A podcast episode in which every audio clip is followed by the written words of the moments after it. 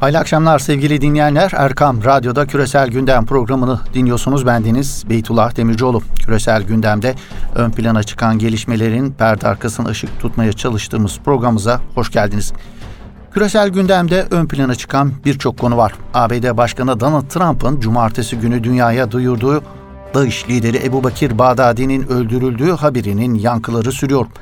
DAEŞ liderinin öldürülmesi hadisesinin perde arkasına ilişkin detaylar gün yüzüne çıkarken bundan sonrasına ilişkin yaşanabileceklere dair bazı sorular ön plana çıkartılıyor. Bu yılın başından bu yana dünyanın dört bir tarafındaki gösteriler son dönemde iyiden iyiye alevlenmiş bulunuyor.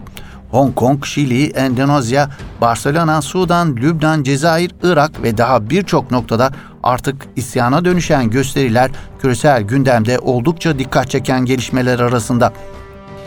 22 Ekim'de Cumhurbaşkanı Recep Tayyip Erdoğan ile Rusya Devlet Başkanı Vladimir Putin'in 6 saatten fazla süren ikili görüşmelerinde vardıkları Soçi mutabakatı kapsamında YPG'ye tanınan süre bugün doldu. Varılan mutabakata göre PKK-YPG'nin 23 Ekim saat 12'den itibaren 150 saat içerisinde Türkiye sınır hattından 32 kilometre geri çekilmesi öngörülüyordu. İşte o süre bugün saat 18 itibariyle sona ermiş bulunuyor. Bundan sonra bölgeyi neler beklediği sorusu gündemde ön plana çıkıyor.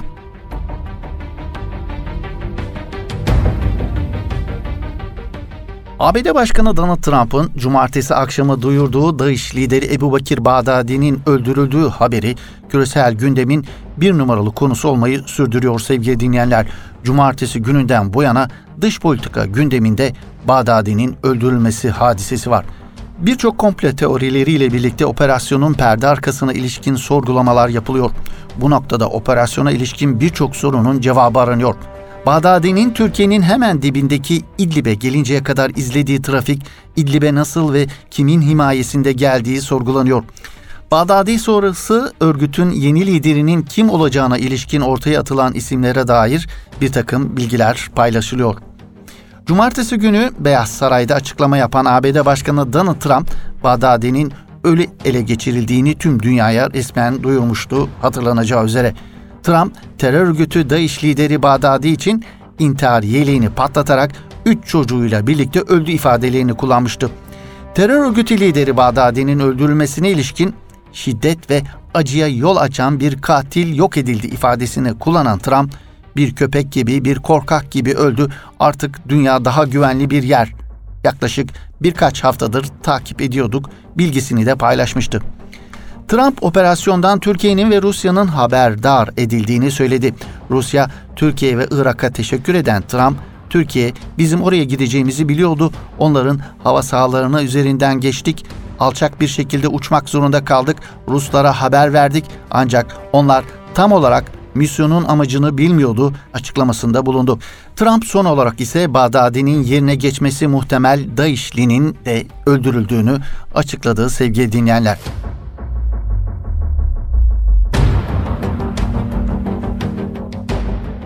Evet, DAEŞ liderinin nasıl öyle ele geçirildiğine ilişkin ABD Başkanı Donald Trump'ın pek çok detayı paylaşmış olmasına rağmen Bağdadi'nin ölümüne ilişkin kuşku duyanlar da var.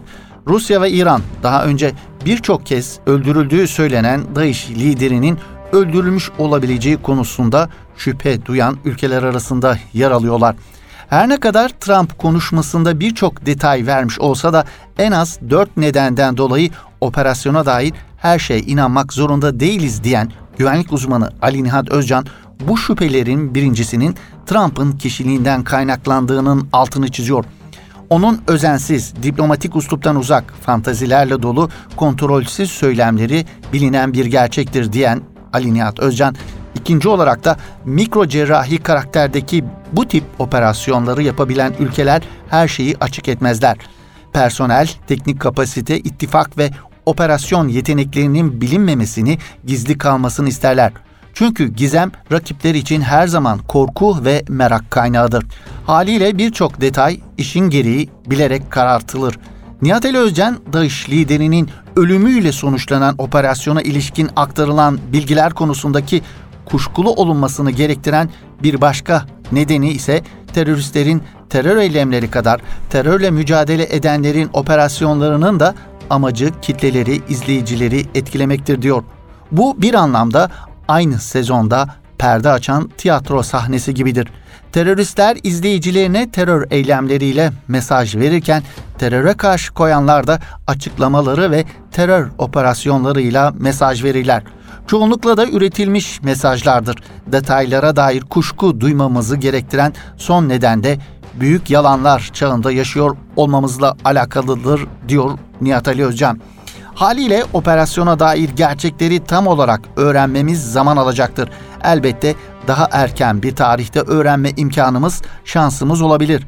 Özellikle de operasyona katılan görevlilerden birinin önerilen telif miktarını reddetmeyip tanıklık ettiklerini kağıda döktüğünde diyor Nihat Ali Özcan, birçok detay verilmiş olsa da en az dört nedenden dolayı operasyona dair her şeye inanmak zorunda değiliz derken.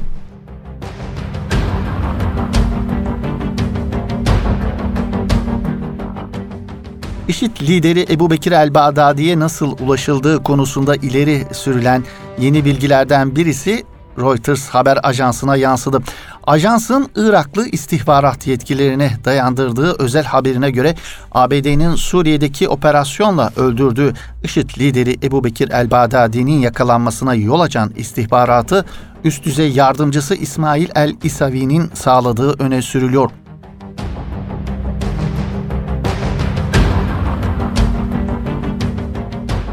Dünya gündemine bomba gibi düşen DAEŞ elebaşı Bağdadi'nin öldürüldüğü operasyona ilişkin en ilginç değerlendirmelerden biri ise New York Times gazetesinde yer aldı. Gazete terörist elebaşının ABD Başkanı Donald Trump'a rağmen öldürüldüğünü ileri sürdü. Gazete, Bağdadi operasyonunun Trump'ın Suriye'den çıkma açıklaması nedeniyle erkene çekildiğini ve Bağdadi'nin Trump sayesinde değil Trump'a rağmen öldürüldüğü ifadeleri kullanıldı gazete tarafından. DAEŞ liderinin öldürülmesi sonrası kuşkulu olduklarını söyleyen Rusya ile ABD arasında IŞİD lideri Bağdadi'ye düzenlenen operasyonla ilgili yapılan telefon görüşmesinin ayrıntılarının gizli kalması konusunda iki tarafın karşılıklı olarak anlaşması yine dikkat çeken haberler arasında. ABD Genelkurmay Başkanı Orgeneral Mark Milley ve Rusya Genelkurmay Başkanı Orgeneral Vareli Gerasimov'un telefon görüşmesinin ardından iki tarafın konuşmanın bazı ayrıntılarının gizli kalması konusunda karşılıklı anlaştıkları belirtiliyor.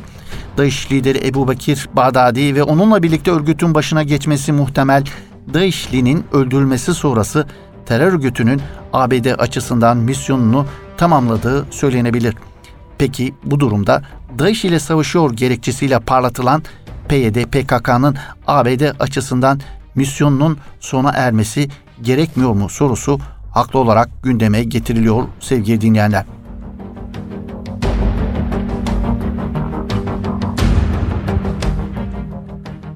Evet dünyanın dört bir tarafındaki gösterilerin perde arkasına ilişkin dillendirilenlere bakalım sevgili dinleyenler. Hong Kong'dan Şile'ye, Lübnan'dan Irak'a neredeyse dünyanın dört bir tarafında sokaklar inanılmaz hareketli. Genelde de ekonomik sebeplerle izah edilen isyanların son dönemde iyiden iyi alevlenmesi son derece dikkat çekiyor. Irak gibi kimi ülkelerde tabir caizse kan gövdeyi götürüyor. Irak'ın başkenti Bağdat ile orta ve güney kentlerde devam eden hükümet karşıtı gösterilerde bilanço her geçen gün ağırlaşıyor. Barış Pınarı Harekatı'nın gölgesinde kalması sebebiyle küresel gündem programımızda Irak'taki gelişmelere pek değinme fırsatı bulamamıştık. Bugün Irak'ta neler olup bittiğine biraz daha yakından bakmak istiyoruz sevgili dinleyenler. Sadece Irak değil aslında Cezayir, Sudan ve Lübnan'da sokakları harekete geçiren en önemli neden ekonomik çöküşün ortaya çıkardığı geçim derdi. Halkların yaşadığı ekonomik zorluklara rağmen ülke yönetimlerinin ayyuka çıkan yolsuzlukları, işsizlik Arap dünyasındaki protestoların en temel nedeni olarak gösteriliyor. Uluslararası Para Fonu IMF'de Arap ülkelerindeki protestoları tetikleyen nedenlerin başında işsizlik ve ekonomik çöküntünün geldiğini söylüyor. IMF raporuna göre Arap dünyasındaki genç işsizlik oranı %25 ila 30'larda geziniyor sevgili dinleyenler.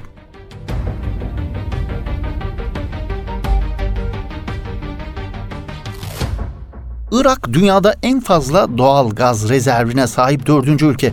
Ancak Dünya Bankası'nın 2014 verilerine göre 40 milyonluk nüfusun neredeyse dörtte biri günde 2 dolar gelirle yaşıyor. Irak'taki nüfus verilerine göre 35 yaş altı nüfus Irak nüfusunun yaklaşık %75'ini oluşturuyor ve çok büyük bir bölümü işsiz. Irak'ta kısa bir zaman önce güvenlik sorunları ve ekonomik istikrarsızlık nedeniyle 10 bin fabrika kapatılmış durumda. Bu da yaklaşık 500 bin kişinin daha işsiz kalmasına yol açmış bulunuyor. Bu oranlar genç nüfusun tepkisine yol açıyor ve bu nedenle son gösterilerde gençler büyük bir rol oynuyor. Gösterilerde özellikle gençlerin başı çekiyor olmasından hareketle gençlerin Irak'ta yeni bir süreci başlattığının altı çiziliyor. Kamu hizmetlerinin yetersizliği ve ekonomik sorunlar halkın öfkesinin en büyük nedenleri arasında. Evet ifade ettiğimiz gibi nüfusu 40 milyonu bulan petrol zengini Irak'ta halkın hayat şartları her geçen gün kötüye gidiyor. Gençler bu kötüye girişten kendilerini temsil edemeyeceğini düşündükleri liderlerini suçluyorlar.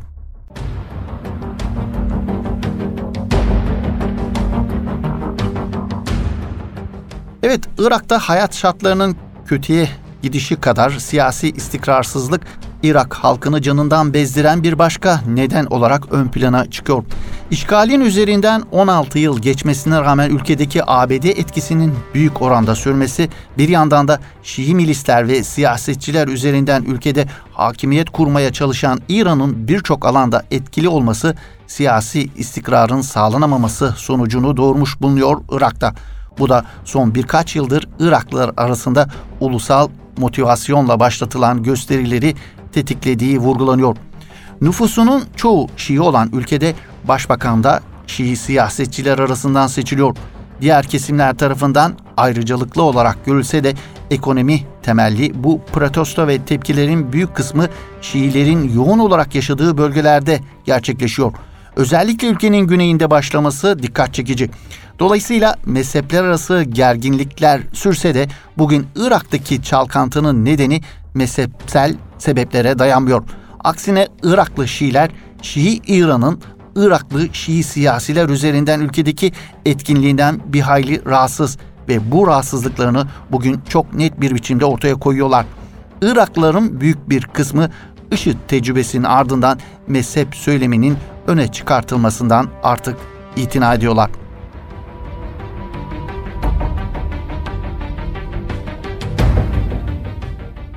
Irak'taki protesto gösterilerinde göstericiler sık sık halk rejimi devirmek istiyor sloganlarını atıyor ve vatan istiyorum yazılı çok sayıda pankart ise dikkat çekiyor. Iraklılar özellikle ABD ve İran'ın ülkenin iç işlerine müdahalesine karşı sloganlar atıyorlar. Siyasilerin gösterilere karşı tutumu ne peki?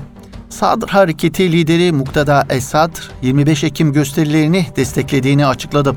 Eski Başbakan Haydar el-İbadi de protestoculara karşı uygulanan şiddetten dolayı hükümeti sert şekilde eleştiriyor. Muhalefetteki ulusal hikmet akımı lideri Ammar el-Hekim de gösterilere destek açıklamaları yaptı. Bunlar Şii liderler sevgili dinleyenler. Şiilerin en büyük dini merci Ali el-Sistani de 25 Ekim öncesi gösterileri destekleyen mesajlar vermişti.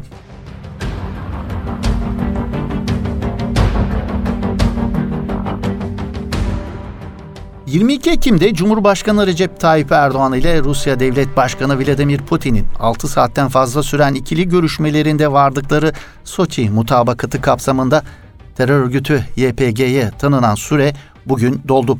Varılan mutabakata göre PKK-YPG'nin 23 Ekim saat 12'den itibaren 150 saat içerisinde Türkiye sınır hattından 32 kilometre geri çekilmesi öngörülüyordu. İşte o süre bugün saat 18 itibarıyla sona ermiş bulunuyor sevgili dinleyenler. Bundan sonra bölgeyi nelerin beklediği sorusu gündemde ön plana çıkıyor. Hem ABD hem de Rusya ile varılan anlaşma kapsamında YPG unsurlarının çekilmesi istenilen yerlerden tam olarak çekilmediği anlaşılıyor. Barış Pınar Harekatı ve peşi sıra ABD ve Rusya ile varılan anlaşmalar sonrası Türkiye'nin atacağı adımlar merakla beklenirken Suriye'nin geleceğinin belirlenmesi konusunda önemli bir toplantılar silsilesi gerçekleşiyor Cenevre'de. Yarın ilki düzenlenecek Suriye Anayasa Komitesi toplantısı öncesinde teknik düzeyde görüşmeler yapılmaya başlandı. Anayasa Komitesi'nin toplantısı öncesi bugün akşam Türkiye Dışişleri Bakanı Mevlüt Çavuşoğlu, Rusya Dışişleri Bakanı Sergey Lavrov ve İran Dışişleri Bakanı Muhammed Cevat Zarif Cenevre'de bir araya gelecekler sevgili dinleyenler.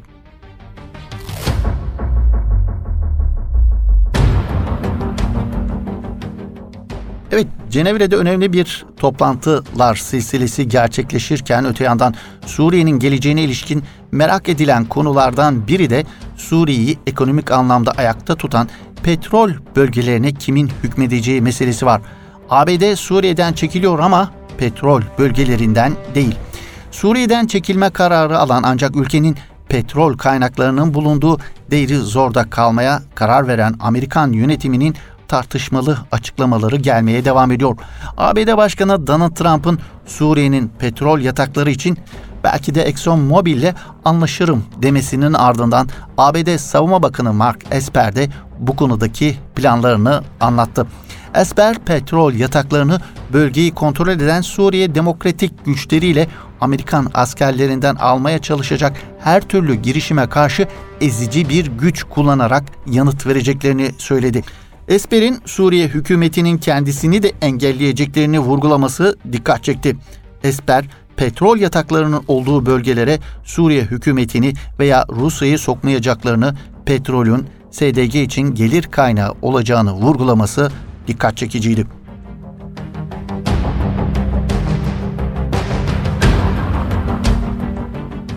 ABD Savunma Bakanı'na göre Suriye'nin güneydoğusundaki Deiruzor'da bulunan petrol sahaları SDG için para kaynağı olacakmış sevgili dinleyenler.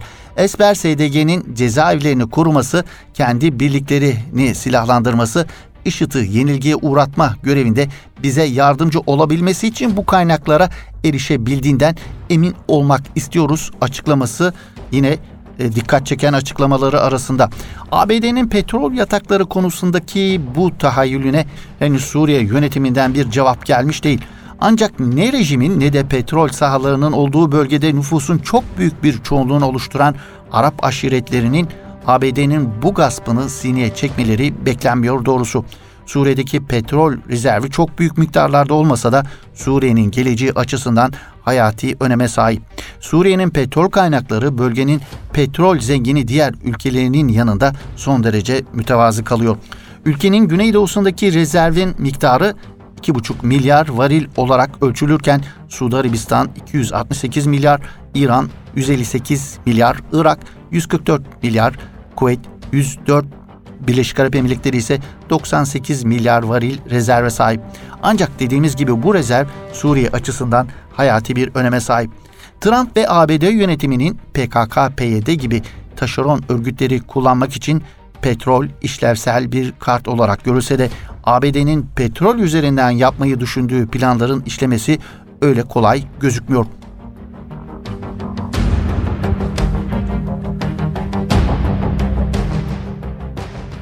Suriye'nin geleceğinin konuşulduğu şu günlerde cevabı en çok aranan sorulardan bir diğeri de Esed rejiminin zulmünden kaçan yüz binlerce mültecinin muhtemel bir uzlaşının ardından yeniden ülkelerine dönüp dönmeyeceği meselesi var.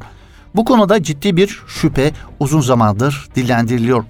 Analiz Borzai Daragahi Independent Türkçe'de yer alan makalesinde Suriyelilere evinize dönün demeyin, önce Beşar Esed rejiminin hakkından gelmeliyiz diye sesleniyor.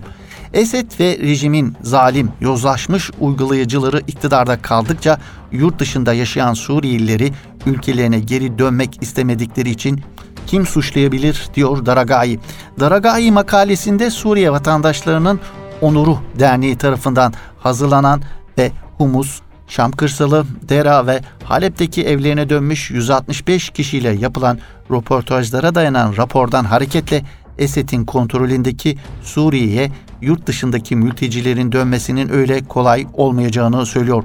Raporda düzensiz güvenlik güçleri, İran destekli milisler ve yabancı gruplar tarafından yapıla gelen yaygın ve sistematik insan hakları ihlallerinden örnekler sunan Daragahi, Esed ve rejiminin zalim ve yozlaşmış uygulayıcıları iktidarda kaldıkça yurt dışında yaşayan Suriyelilerin ülkelerine geri dönmelerinin öyle kolay olmayacağını belirtiyor.